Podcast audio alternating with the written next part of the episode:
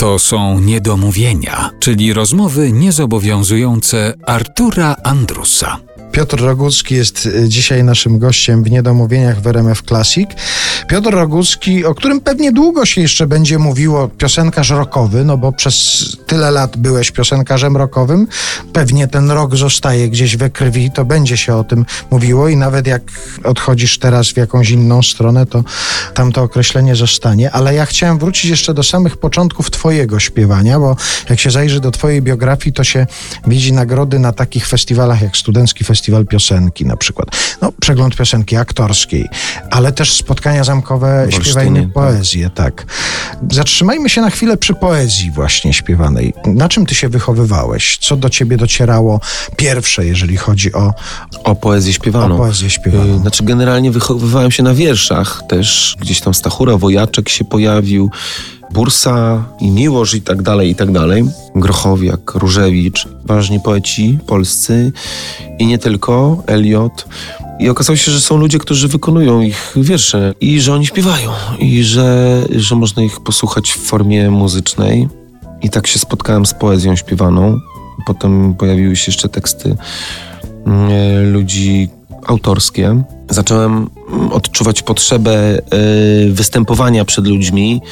Nie mogłem jeszcze wtedy się dostać do szkoły teatralnej, bo mi się to nie udało trzy razy. I postanowiłem, że, że skoro jest taka organizacja festiwali w Polsce poezji śpiewanej, to fajnie by było skorzystać z tej okazji, że można usiąść na scenie i się pokazać publicznie, bo bardzo to lubiłem.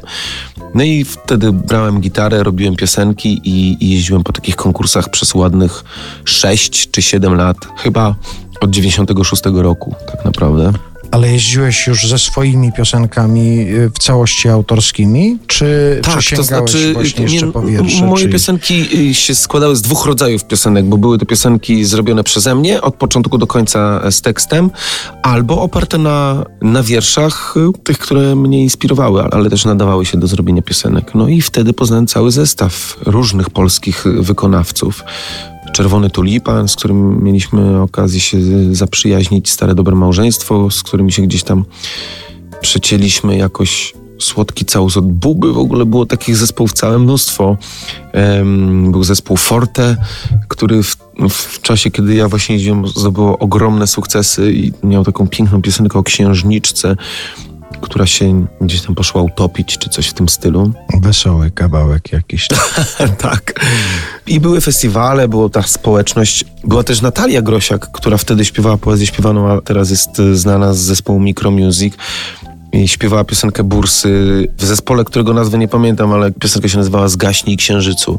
I ja razem z kolegą, który mnie gdzieś tam wciągnął do tej poezji śpiewanej, yy, mówiąc, że, że, że dam radę, no byliśmy zakochani w tym wokalu, zresztą nadal jesteśmy. Aha, no zespół raz, dwa, trzy, to już byli tacy bogowie tej sceny, yy, czy Renata Przemek, którzy się pojawiali i po prostu no, wyrywali z butów swoimi koncertami. Na takich festiwalach, przeglądach, kiedy się człowiek oddaje pod ocenę i publiczności, ale też i jurorów, zazwyczaj zdarzają się takie sytuacje, że taki juror podchodzi, coś mówi, poklepie po ramieniu, powie dobrze, albo wręcz przeciwnie, troszkę zniechęci. Ty pamiętasz z tych festiwali jakąś rozmowę z którymś z jurorów, który coś takiego ci powiedział, co zostało w pamięci? Tak, Jacek Skubikowski. To był chyba w Myślibusz. O, prawdopodobnie to był Myślibusz. Tam były szczeble do kariery.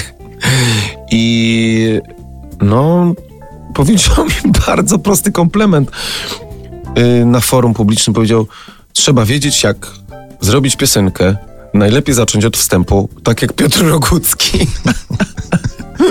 Wszystko było odkryciem na tamtym etapie, nawet to, jak ustawić odsłuch.